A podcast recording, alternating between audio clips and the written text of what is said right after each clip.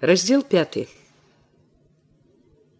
у алешніках шабета ўзяў фурманку і далей да юрович васіля везлі конь быў не спорсткіх возчык не спяшаўся шабета не падганяў таксама і пакуль дапляліся да мястэчка на зямлю лёг добры вячэрні поцемак з гары спускаліся ехалі па прыцішэлых местачковых вуліцах ужо ў цемры якую там і тут адно прарэзвала жоўтае святло з вокон всю гэтую дарогу василь перабыў у затоенай маўклівасці.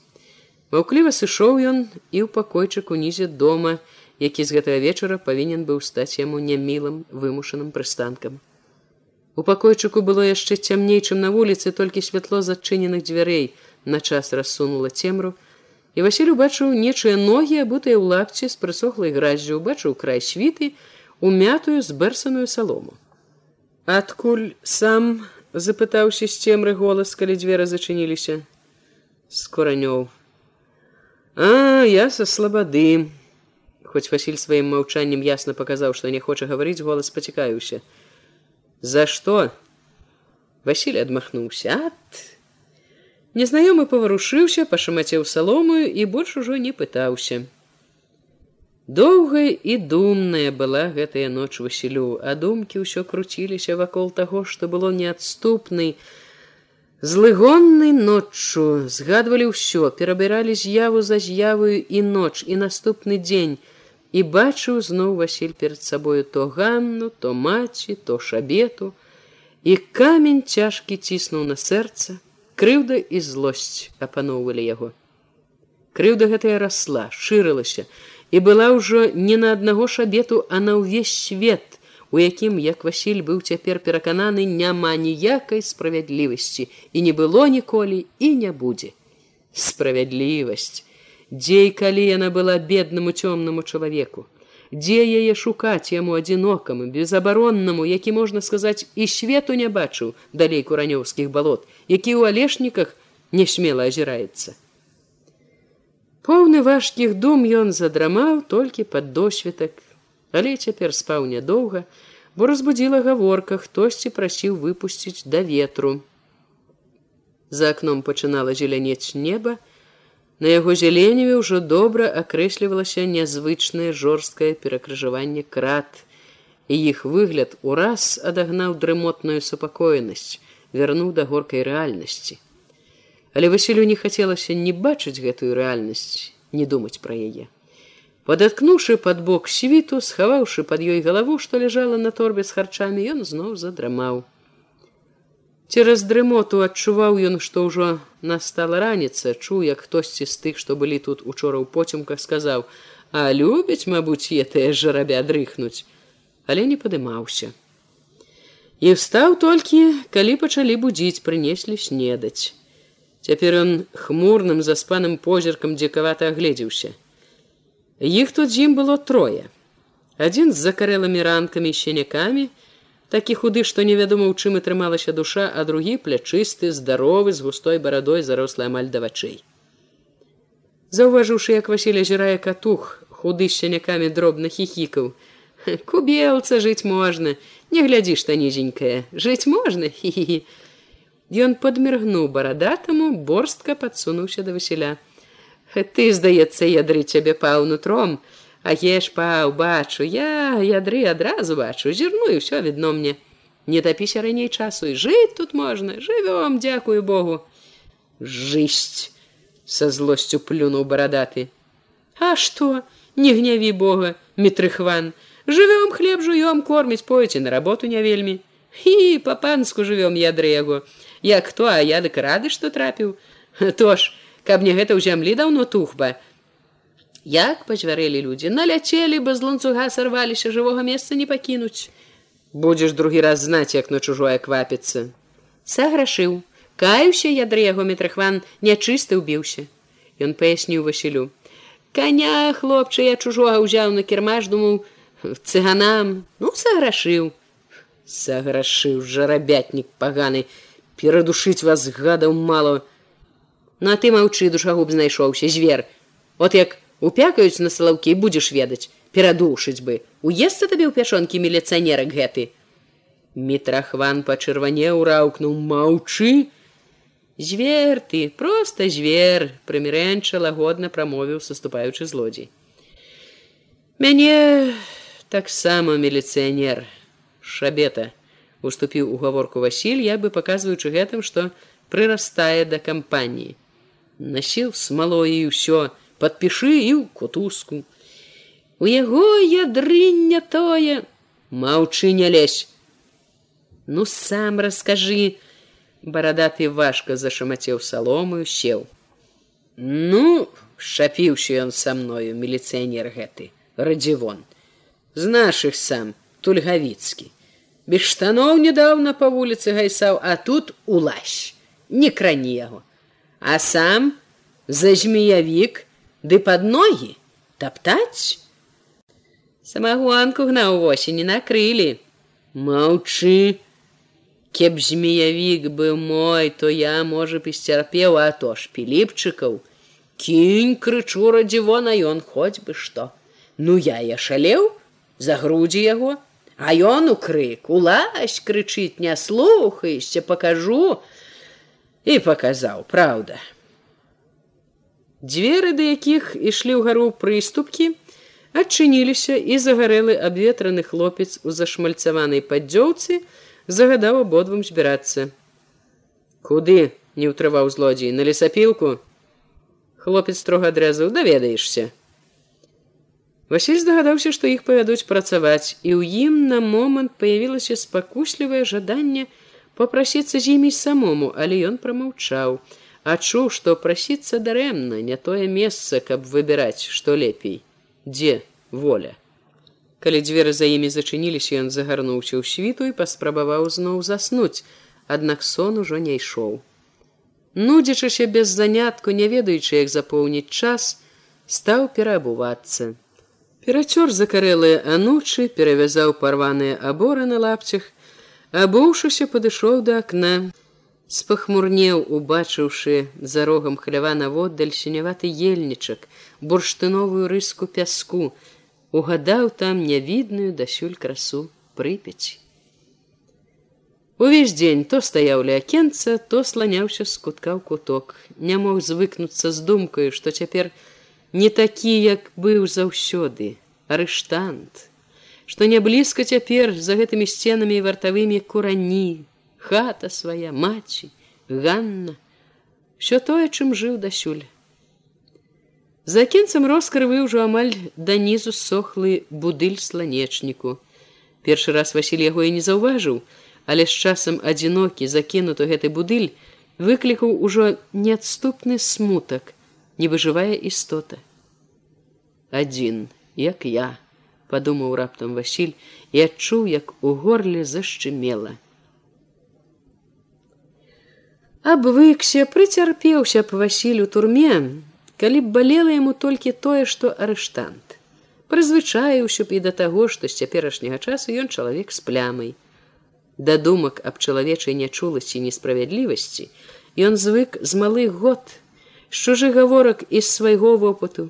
І хоць яны на час зрабіліся вайстрэйшыя, хутка прыглухлі б і прыцьмелі б таксама. Горш за ўсё. Самай вялікай пакутай было тут проста сядзенне. Сядзенне без звычайных клопатаў, без працы і доўгімі днямі, яшчэ даўжэйшымі у крыўднай бессані начамі думаў, балеў душою па дамоўцы. Па недамалочаным жыце, па небараку гузу, які можа стаіць недагледжаны як след, па хаце, для якой ён не прывёз дроў і якая можа выстала не дрэмлючы трызніў гумном, цэпам з выслізганым далонямі цабільным, бачыў пусты ток, убіраў ноздрамі пах даўняй трухі з-за старонкаў, чуў, як шамаціць сена ў мяккіх маршчыністых губах коня. Рукі, душа яго прагнулі працы, але працы не давалі.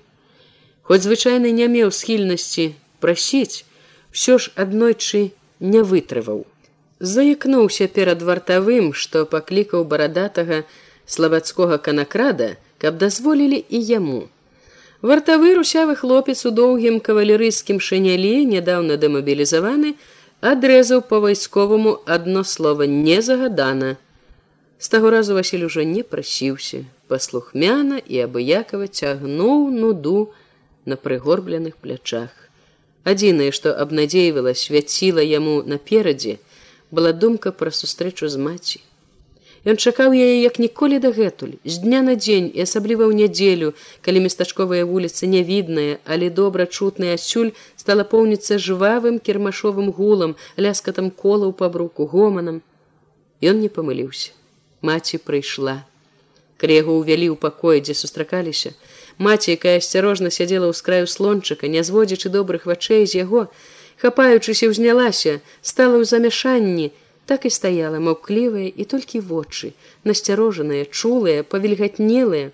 Поўныя вялікага шкадавання казалі што робіцца ў яе душы. У гэты час васіль пашкадаваў што не пагаліўся што рэдкая яшчэ маладая барада якая выбілася тут мусіць робіць яго твар пастарэлым горшым. Ён заўважыў як у маці жалліва смыкнуліся куточки губ і падумаў што яна вось вось заплача але яна стрымалася. Звыкла правяла ражком паркалёвай хусткі па роце, стаяла заклапочаная, падаючы торбу загаварыла: Я тут хлеба дзве куліткі паклала, учора спякла, мятку дзед расстараўся, у конуцы берасцяны кеп не выліўся глядзі. У юнкоў насушыла з десятачак цыбулькі гуркоў прынесла. Ну, мёд лепей было б на продаж, строга зазначыў Васіль. Яечак десятак прадам солі трэ запалак. Васіль не сказаў нічога на гэта, пацікаюся іншым, як там гус не кульгае, ты не папраўляецца. Жыта не малочаныя. Да малочуваем дзед і я. Стары дужы, кеўлія значыцца, кеўлія дужы. За кожным пытаннем і адказам ішла важкая поўная матчанага смутку цішыня. Валочка не дурэе? Не, от надысь на балота хадзіў у юно прынёс кажа васілю браціку глядзі за ім не балуй а гузу паранку зіма падыходзіць у лес трэба будзе ды ўжо ж буду рабіць распытваў васіль раю наказваў а сам не раз не два думкою падыходзіў да ганны як яна ці помніць пра яго ці не злуе за крыўду ўсё чакаў што маці загаворыць пра яе Маці нібы прачытала яго думкі. Ганну чарнушка убачыла сягоння. Тутака. Ты не дома каля калодзежа кланяцца табе сказала. А Васілю стала добра, хораша. Ну і ты ёй перадай, што кланяюся, перадам. Ён перахапіў спасцярожлівы матчал позірк і здагадаўся, што яна штосьці тоіць, не наважваецца адкрыць. Ну як яна там вясёлая, маркотная бы скрыўда якою. Васіль адвёў вочы ў бок прамаўчаў. Але таіла яна не гэтая большая. Разважыўшы прызналася з непакоем Яўхім карчоў кажуць нешта стаў каля яе круціцца Яўхім ну гаворка такая была толькі Ганна кажуць не хіліцца да яго паспрабавала супакоіць маці Яна перавяла тут жа гаворку на іншае, але вестка, што неспадзёўкі дайшла да Васіля ўжо не адступалася ад яго. З усяго, што Васіль пачуў тут ад маці, яна найбольш хвалявала яго ныла ў ім. Нельга сказаць, каб вестка гэтая вельмі занепакоіла адразу. Васіль быў такі, што паддаваўся настроем не хутка.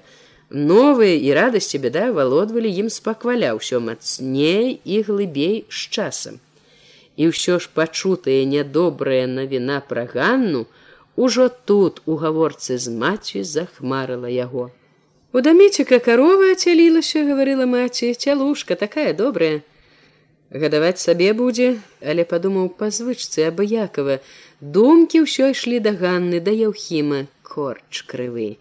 Уже тут ваду муціць мала леснікоўны хваліўся да мецік сын яго са службы прыйсці павінен. Скора ўжо. А отпускаюць меканор мабуть жа помніш? Ну чаго ж. Учыцца хацелі там аставіць а ён сказаў дадому.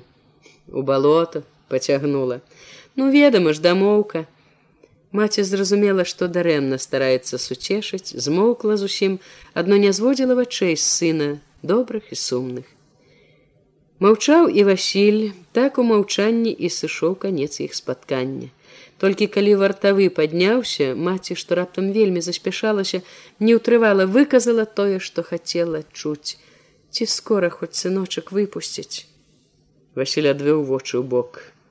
Хіба ж скажуць. На другі дзень Васіля ўпершыню выклікалі працаваць. Калі ён накінуўшы на плечы світу выйшаў з барадатам і канакрадам на звонкі ў мёрзлы дворык, грудзі яго зайшліся ад бадзёры і чысціні радаснага ранішняга марозцу. Халодны ветер, што абмыў твар, абхапіў шыю, залез пад велікаваты каўнер з рэднай сарочкі, адразу пагнаў па спіне дробныя прыемныя дрыжыкі. Васіль павесялеў, гарэзна павёў плячамі, нібы стараючыся загрэцца. Ён тут жа заўважыў на сабе строгі позірк мітрахвана і схамянуўся, нагнаў выраз сталасці. Іх павялі па вуліцы, потым загадалі звярнуць у вулачку вузкую крывую, што вяла ў той бок, дзе была прыпяць. І Васілі, які сам сабе гадаў, куды іх вядуць, падумаў, мусіць на рэчку грузіць баржу ці параход. Але да прыпяці іх не давялі. Неўзабаве ўсіх трох спынілі каля паравога млына. Перад гарой абы як скінутых дроў, якая займала ледзь не палавіну шырокага двара.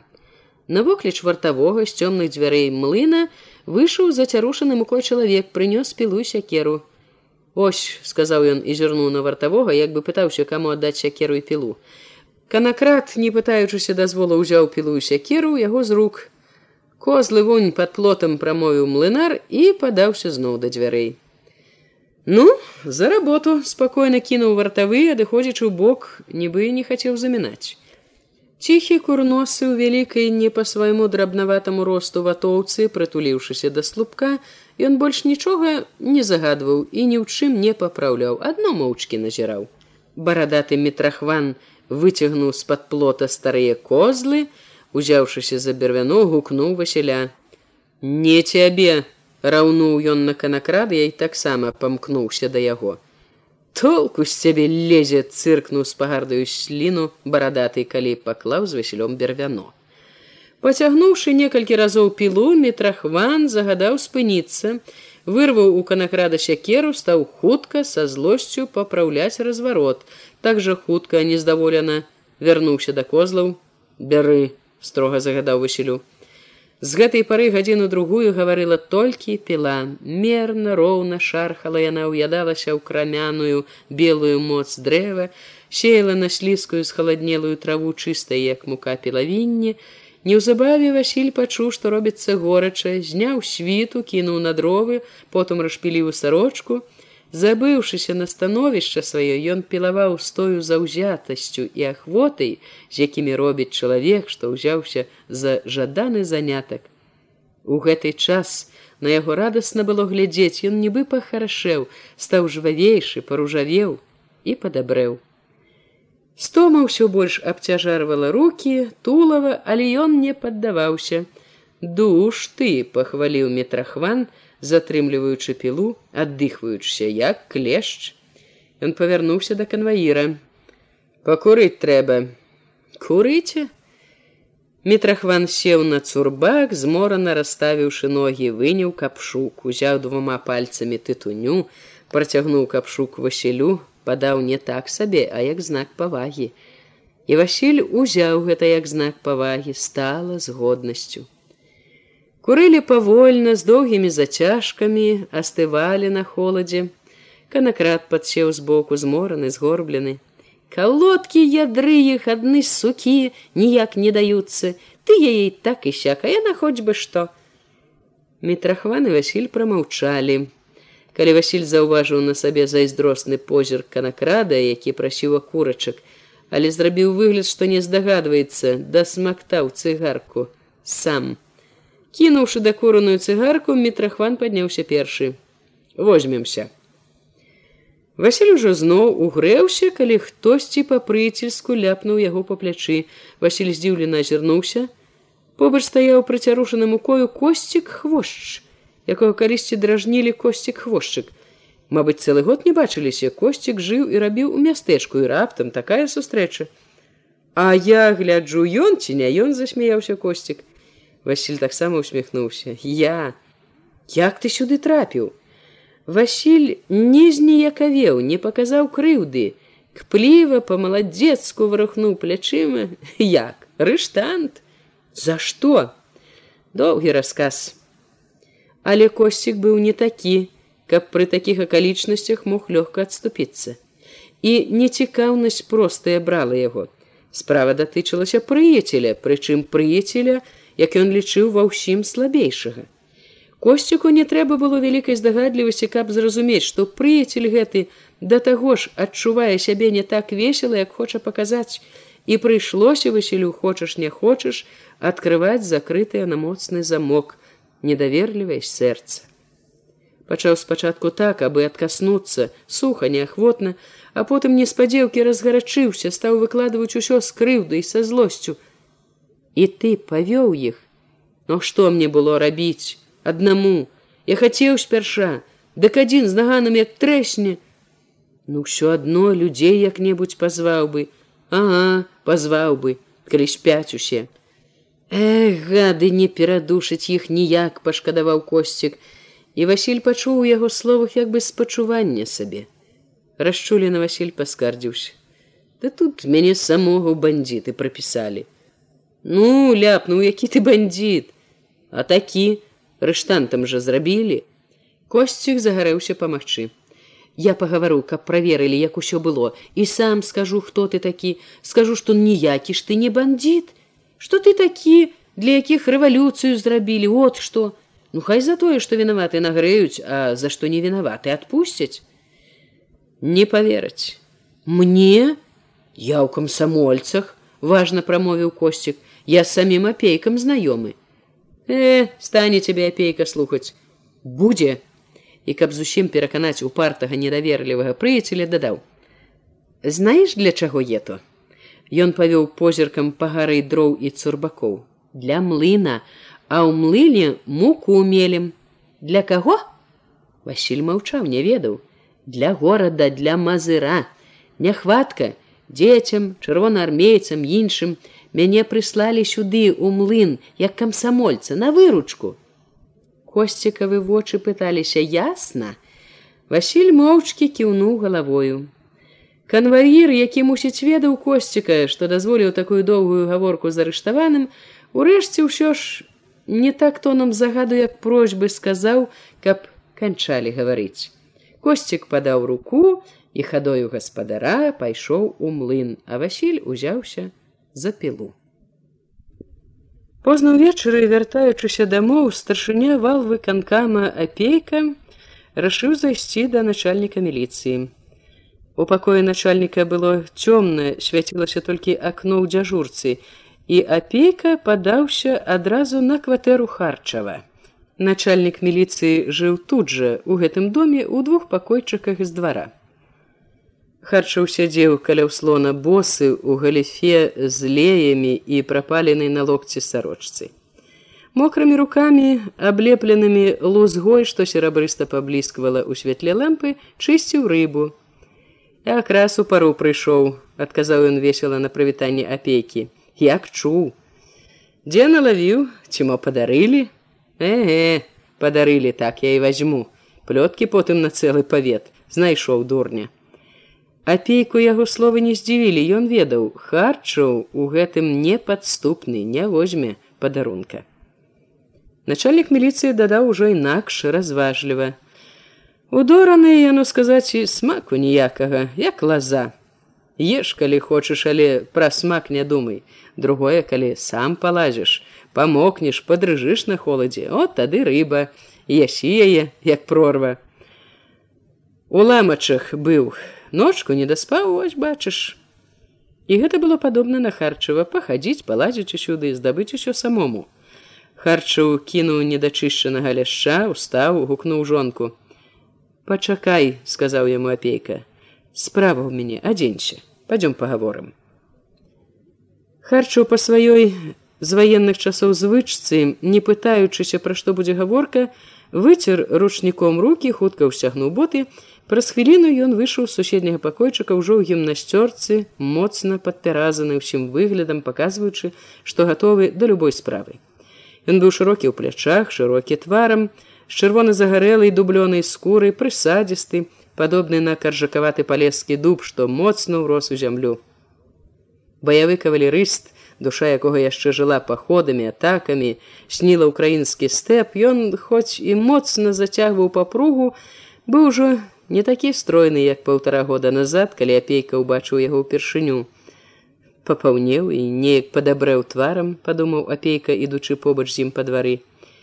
І на цябе, брат, мірнае жыццё адбітак кладзе, кавалерыст заўзяты, гімнасцёрка малаватая робіцца. Ён тут жа запярэчыў сабе, што харчу ўсё ж перамяніўся мала, што папаўнець і ад гэтага нібы падабрыць тварам ён мог бы і на фронте, старэеш, як ніяк ды якое яму мірнае жыццё, калі ў лесе маслакоўцы, калі таго і глядзі кулю ўцэліць дзе-небудзь на дарозе. Апейка з нейкай зайздрасцю падумаў, што хоць ён на пасадзе і вышэй захарчыва, той у людскім уяўленні мае больш увагі і пашаны. Ціхі я непрыкметны як быў настаўнікам так і застаўся ім. Харча уже адвага надзея герой ёсць скарга сказаў апейка калі начальнік міліцыі запаліў лямпу. Апейка знарок помаўчаў ён быў амаль што таго ж росту што і харчаў. Быў таксама ў вайсковай форме праўда не ў гімнасцёрцы а ў фрэнчы з грубага сукна з вялікімі нашыўнымі кішэнямі на грудзях і па баках са стаячым каўняром які падпіраў і цёр падбародак. Але і ў сваёй форме ён выглядаў вельмі сціплым дробным фрэнч быў яўна велікаваты яму ад гэтага яго дробная сутулая постаць выдавала драбнейшы як была сапраўды якая скарга запытаў харчаў Трымаеш чалавека без дастатковых падстаў, можна сказаць, невіноўнага. Каго гэта? Дятла Васіля скуранёў. На гімнасцёрцы на пятай на шырокіх грудзях зазарчэў ордзен чырвонага сцяга, акружаны выгаралай паркалёвай зборкай. А, все яны невіноўныя прамовіў харчу цвёрдыя перакананы. Ну што значыць усе? Да ўсе, которые трапляюцца. Гэта не доказ ціха мякка запярэчыў апейка тонам старэйшага які абавязан паправіць растлумачыць трэба разбіраць канкрэтно кожны выпадак да разбіралі ёсць факты канкрэтныя ёсць і ён прызнае іх знайшоў дурня прызнаецца ён чакай. Павінны быць канкрэтныя факты ціха але ўпарта прамовіў апейка. Старшыня валвы канкама попрасіў пратаколы допытаў. Стоячы пры лямпе якая асвятляла бугрысты з залысенамі лоб рэдкую павітуху чарнявых валасоў моўчкі перагледзеў некалькі лісткоў. Усё падняў вочы на харчава усё і больш нічога. Другіх фактаў віны яго няма. Ну, другіх мы проста не ведаем. Значыць і спасылацца на іх не будзем. Ну чаму гэта калі я ўпэўнен? Калі сэрца маё падказвае? Сэрца дружа можа часам і ашукаць. І шабета за тое што птушка падазроная. Даруй але шабета не даў ні аднаго доказу што дзяцел бандыт ёсць толькі факт які паказвае што яго прымусілі правесці і аднаго гэтага факта калі на тое досыць а я думаю мала Апейка заўважыў, як харчыў рэзка з упартым выразам правёў рукой па папрузе, абцягваючы гімнасцёрку. Начальнік міліцыі быў нязгодны. Апейка мяккім голасам пастараўся растлумачыць: Мала не таму, што факт адзін, а таму, што ён недастатковы для тваіх вывадаў. Як гэта недастатковы?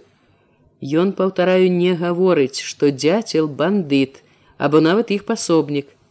Дык пасабляў жа, сам прызнаўся правёў под абрэзамі один раз да знайся ідзі харчаў неспакойна захадзіў один ці не один раз под абрэзамі ці не под абрэзамі ўсе яны калі пападуцца под абрэзамі памагалі все чэсныя ангелы а маслакі арудуюць хто толькі іх корміць ды наводзяць Ён стаў перад апейкам па-свойску, але цвёрда ўзяў яго за руку. Я лічу, калі хочам кончыць маслака, няма чаго міндальнічаць. Памог маслакам, памог, значыць таксама ўдзельнік, Ну і пасядзі, папарся, аднаго пасадзіш другі баяцца будзе. Баяцца будуць, згадзіўся апейка. Ён зблізку, гледзячы ў вочы харчаву уздыхнуў. Але што ж мы за такая савецкая ўлада, калі нас свае баяцца павінны? А нічога, шкоды вялікай не будзе, здавы парадак будзе дысцыпліна, знаць кожны будзе як след, што спуску нікому не дадзім, што б не рабіў па ўсёй строгасці, як у рэвалюцыю. А то ж да чаго дайшло, харчаў загарачыўся. Всюды ціша, спакоі дзяцей бандытамі забылі палохаць, А тут у нашай воласці под бокам у нас лазяць, абрэзы наставляюць, грозяцца, а мы сядзім як цельпукі. Зрабіць нічога не ўмеем, міндальнічаем. Міндальнічаць з поганню, конечно, нельга. Але з метро зразумей. Не можам мы трымаць у турме чалавека без дастатковай вины. Без вины. Мы з табой як у касцы пра белага бычка. Я адно кажу, а ты сваё гнеш. Харчаў зноў кінуўся ў контранаступ. Ты што, знаёмы, што так упэўнены ў ім. Ты вось упякаеш мяне, што фактаў мала, а ў цябе яны ёсць. Апейка адказаў не адразу, нібы і даваў харчаву час супакоіцца. Многа нямнога, а ёсць.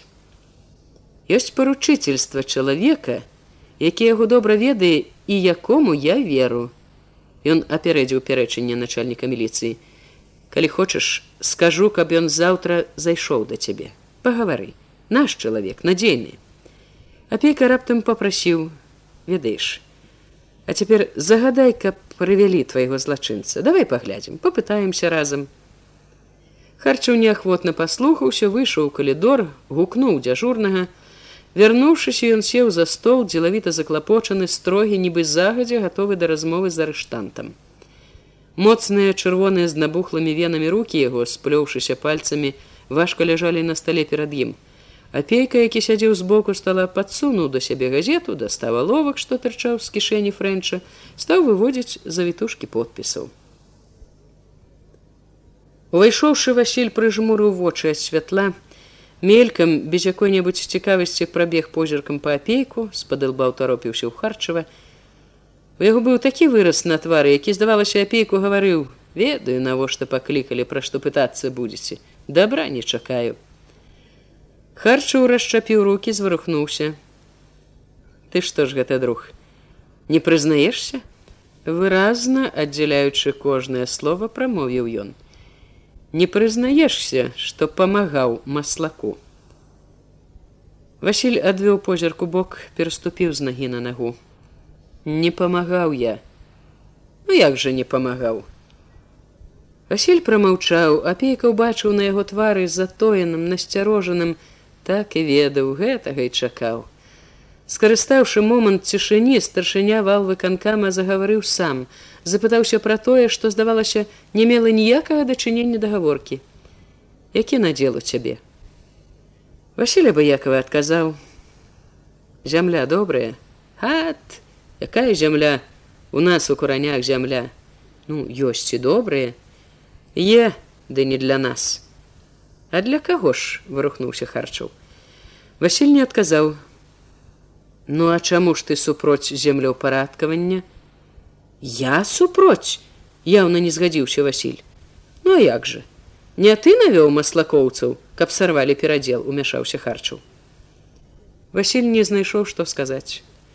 Апейка заўважыў, як хлопец зноў стуліўся безнадзейна.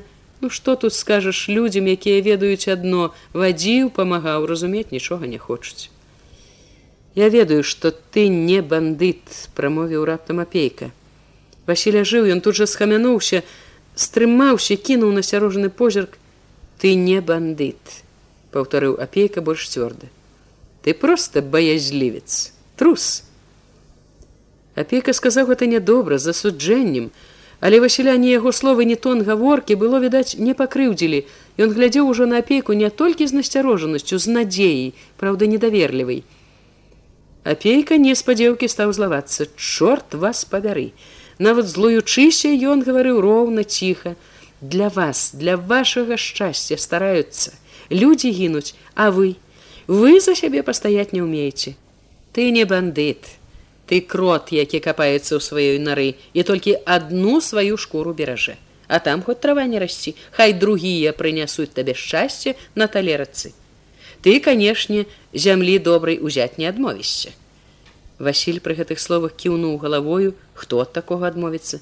Канешне ты не супроць землеўпарадкавання і сам жа памог сарваць яго апейка заўважыў што хлопец хацеў штосьці запярэчыць яму але стрымаўся пабаяўся відаць угнявіць. Э, разгаварыўся суддзя падумаў зодумам аб сабе старшыня.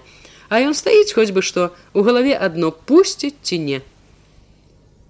Я ўсё я пагаварыў сказаў ён начальніку міліцыі. Калі дзяжурны што ўвайшоў на голас харчава паказаў хлопцу на выхад васіль нечакана пакланіўся.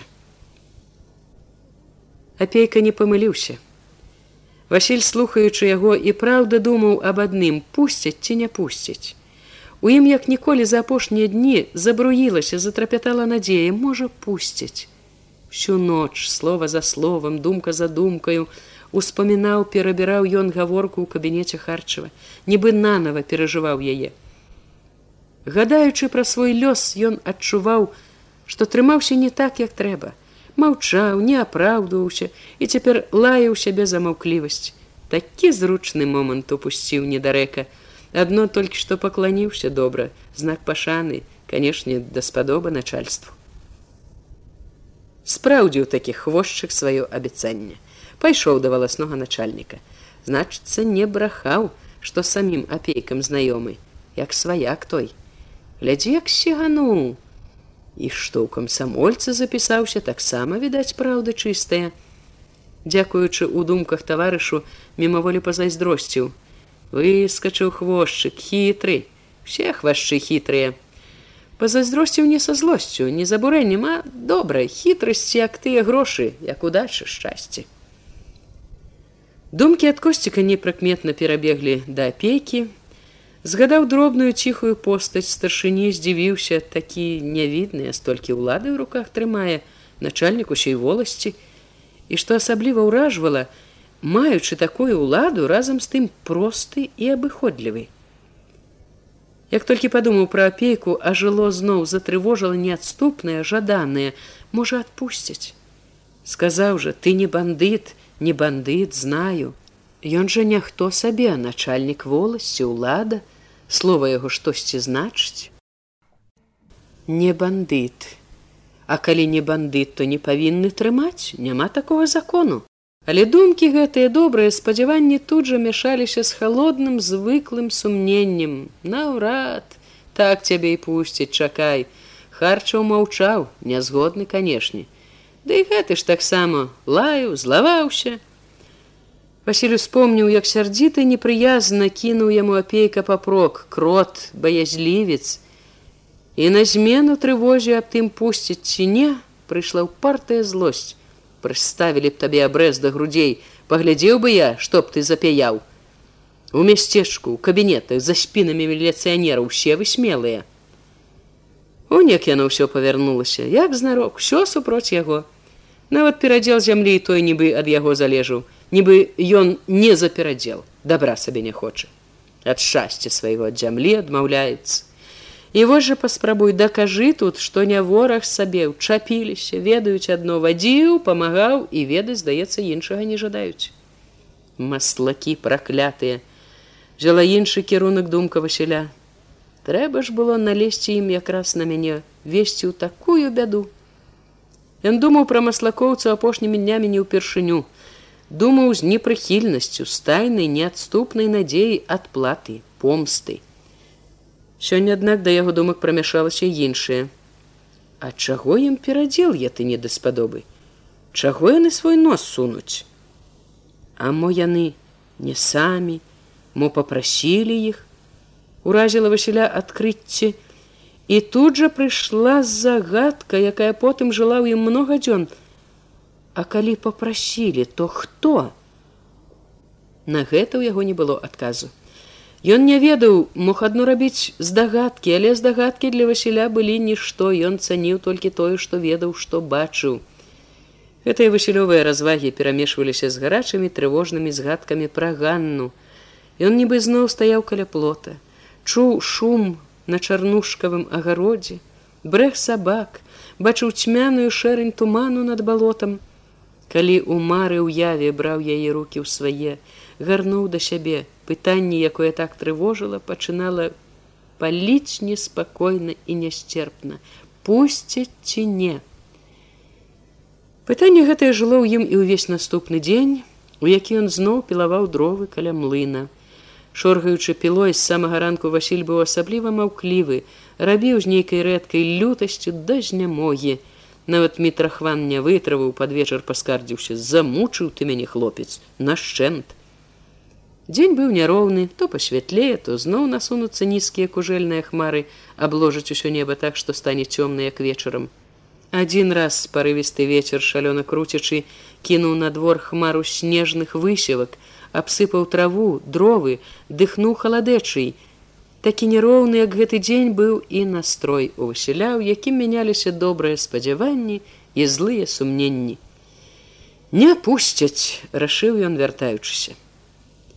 З маленства прызвычайны да крыўды да злога ён знарок рыхтаваў сябе на горшае трымаў душы недавер'я да таго што можа адбыцца жаданае і калі пасля звароту хлопец вартавы загадаў яму збірацца Васіль прымусіў сябе не паверыць што гэта і ёсць тая чаканая хвіліна. Ён спакойна надзеў світу як звычайна хмурна сутуліўся чакаючы загаду. Толькі калі вартавы сказаў каб узяў і рэчы сэрца Васіля дробна соладка затрымцела. І торбу перапытаў ён боючыся што памыляецца. Усё сказаў вартавы. Васіль беручы торбу заўважыў што руки дрыжаць ну ядры яго бувай залапатаў канакрат адлежу адбыў мазалёў не нажыўшы лёгка бувай ядры яго не памінай ліхам барадаты метрахван прабурчаў толькі на мароз бярэ На ганку Васіль знянацку натрапіў не на каго іншага на самога харчава.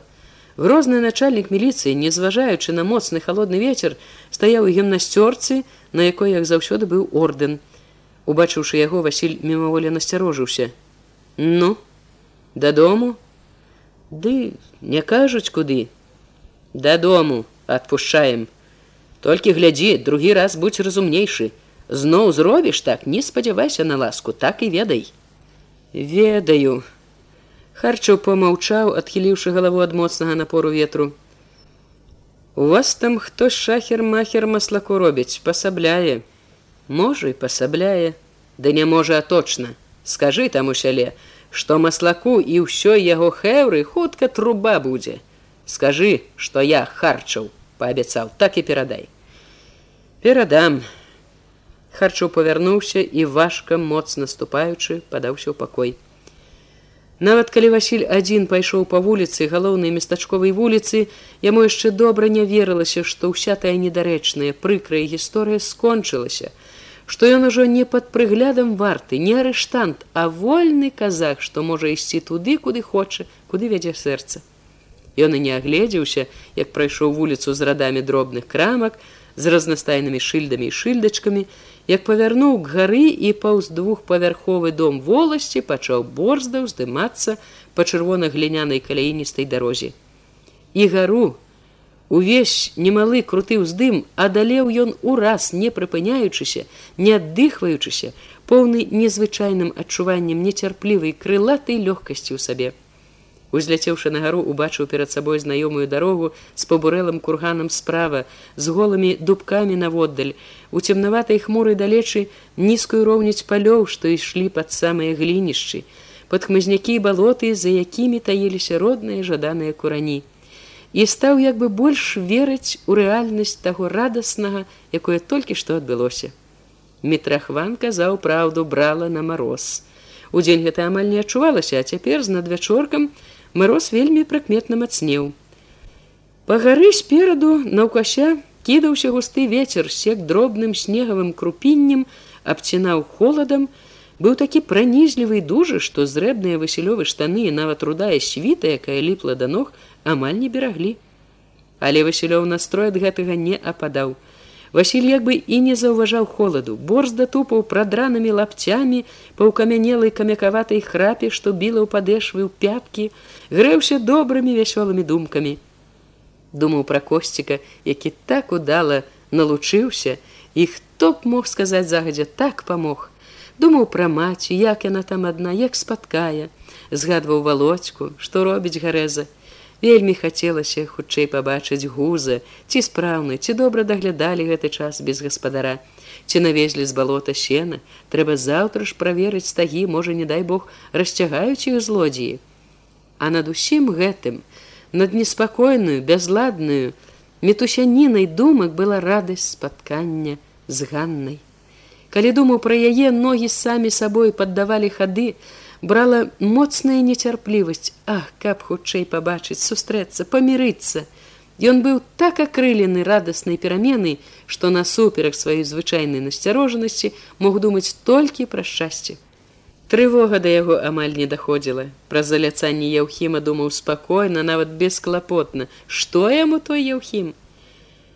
Пакуль падышоў да вадавіч насунуліся поцемкі Мусіць, каб не снег навокал была б густая чарната, але снег адганяў цемру, бяліў усё.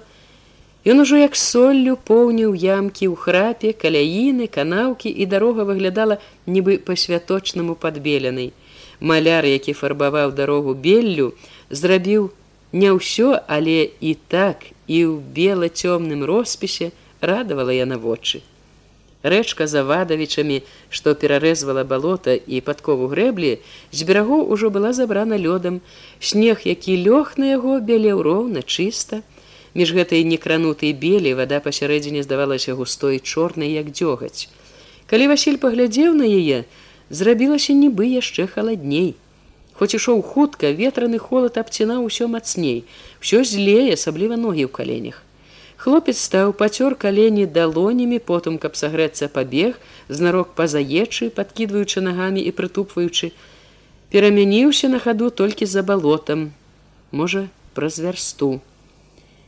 Неўзабаве каля глінішчу сышоў са шляху, узяўся проста на курані, хоць мог ісці сялом знарок, абмінаў яго, каб не сустрэцца з людзьмі, падаўся сцежкаю па полі паўз могілкі абышоў пад мёрзлым узболаткам і алешнікі зрэзаў вялікі круг снег ужо начыста выбельваў сцежку і дарогу на якую выбраўся за ўзболаткам. Хмызнякі па балотах цямнелі незвычайна рэзка. Тут ветру не было. Стала цяплей вакол панавалі цішыня і чысціня хараство першых заземкаў якія асабліва хвалююць і радуюць. І васіль паддаўся ўладзе гэтага хараства недаверлівае насцярожанае сэрца больш і больш поўнілася шчасцем. Ганна маці гус стагі все было ў гэтым шчасці. Калі наблізіўся да ганненага селішча прыпыніў гон пайшоў цішэй гулка калацілася сэрца вунь плод той тыя грушы. У хаце свяціліся вокны. Пра шыбы ўбачыў мачагу каля печы і хвецьку які корпаўся на ўслоне. Ганны не было Мабыць, к дзеўкам пайшла. Адарваўся ад шыбы, падаўся ў сяло. Яшчэ амаль усюды свяціліся жоўтыя варухлівыя агні, вот святы лучыны, сярод іх асабліва блізкі, родны, вылучыў агеньчык сваёй хаты. Гарыць лучына, значыцца, маці дома не спіць. Можа, думае пра яго сумуе і не ведае, што ён каля парога. Васіль ужо быў блізка ад хаты, калі пачуў наперадзе ганнін голас мяккі шорхат крокаў. Ён памкнуўся падацца да яе і адразу ж убачыў яна не адна. Здалёк праз прыцемак адчуў, хто гэты другі. Яшчэ не думаючы нічога, хутка ступіў да ясакара, што быў побач, стаяў за ім, разгублена сачыў за постацямі. Гэта была такая неспадзяванасць для яго нядаўняй радаснай бесклапотнасці, Яны ішлі па другі бок вуліцы, ішлі асобна, не вельмі блізка адно ад аднаго. Яўхім не хапаў яе нават за руку, ішлі проста як знаёмыя. І ўсё ж і гэта апаліла Васіля гарачай рэўнасцю, пякучай крыўдай. Яна ідзе з яго супернікам, яго непрыяцелем у такі дзень, калі ён так і рваўся да яе. Яна так сустракае.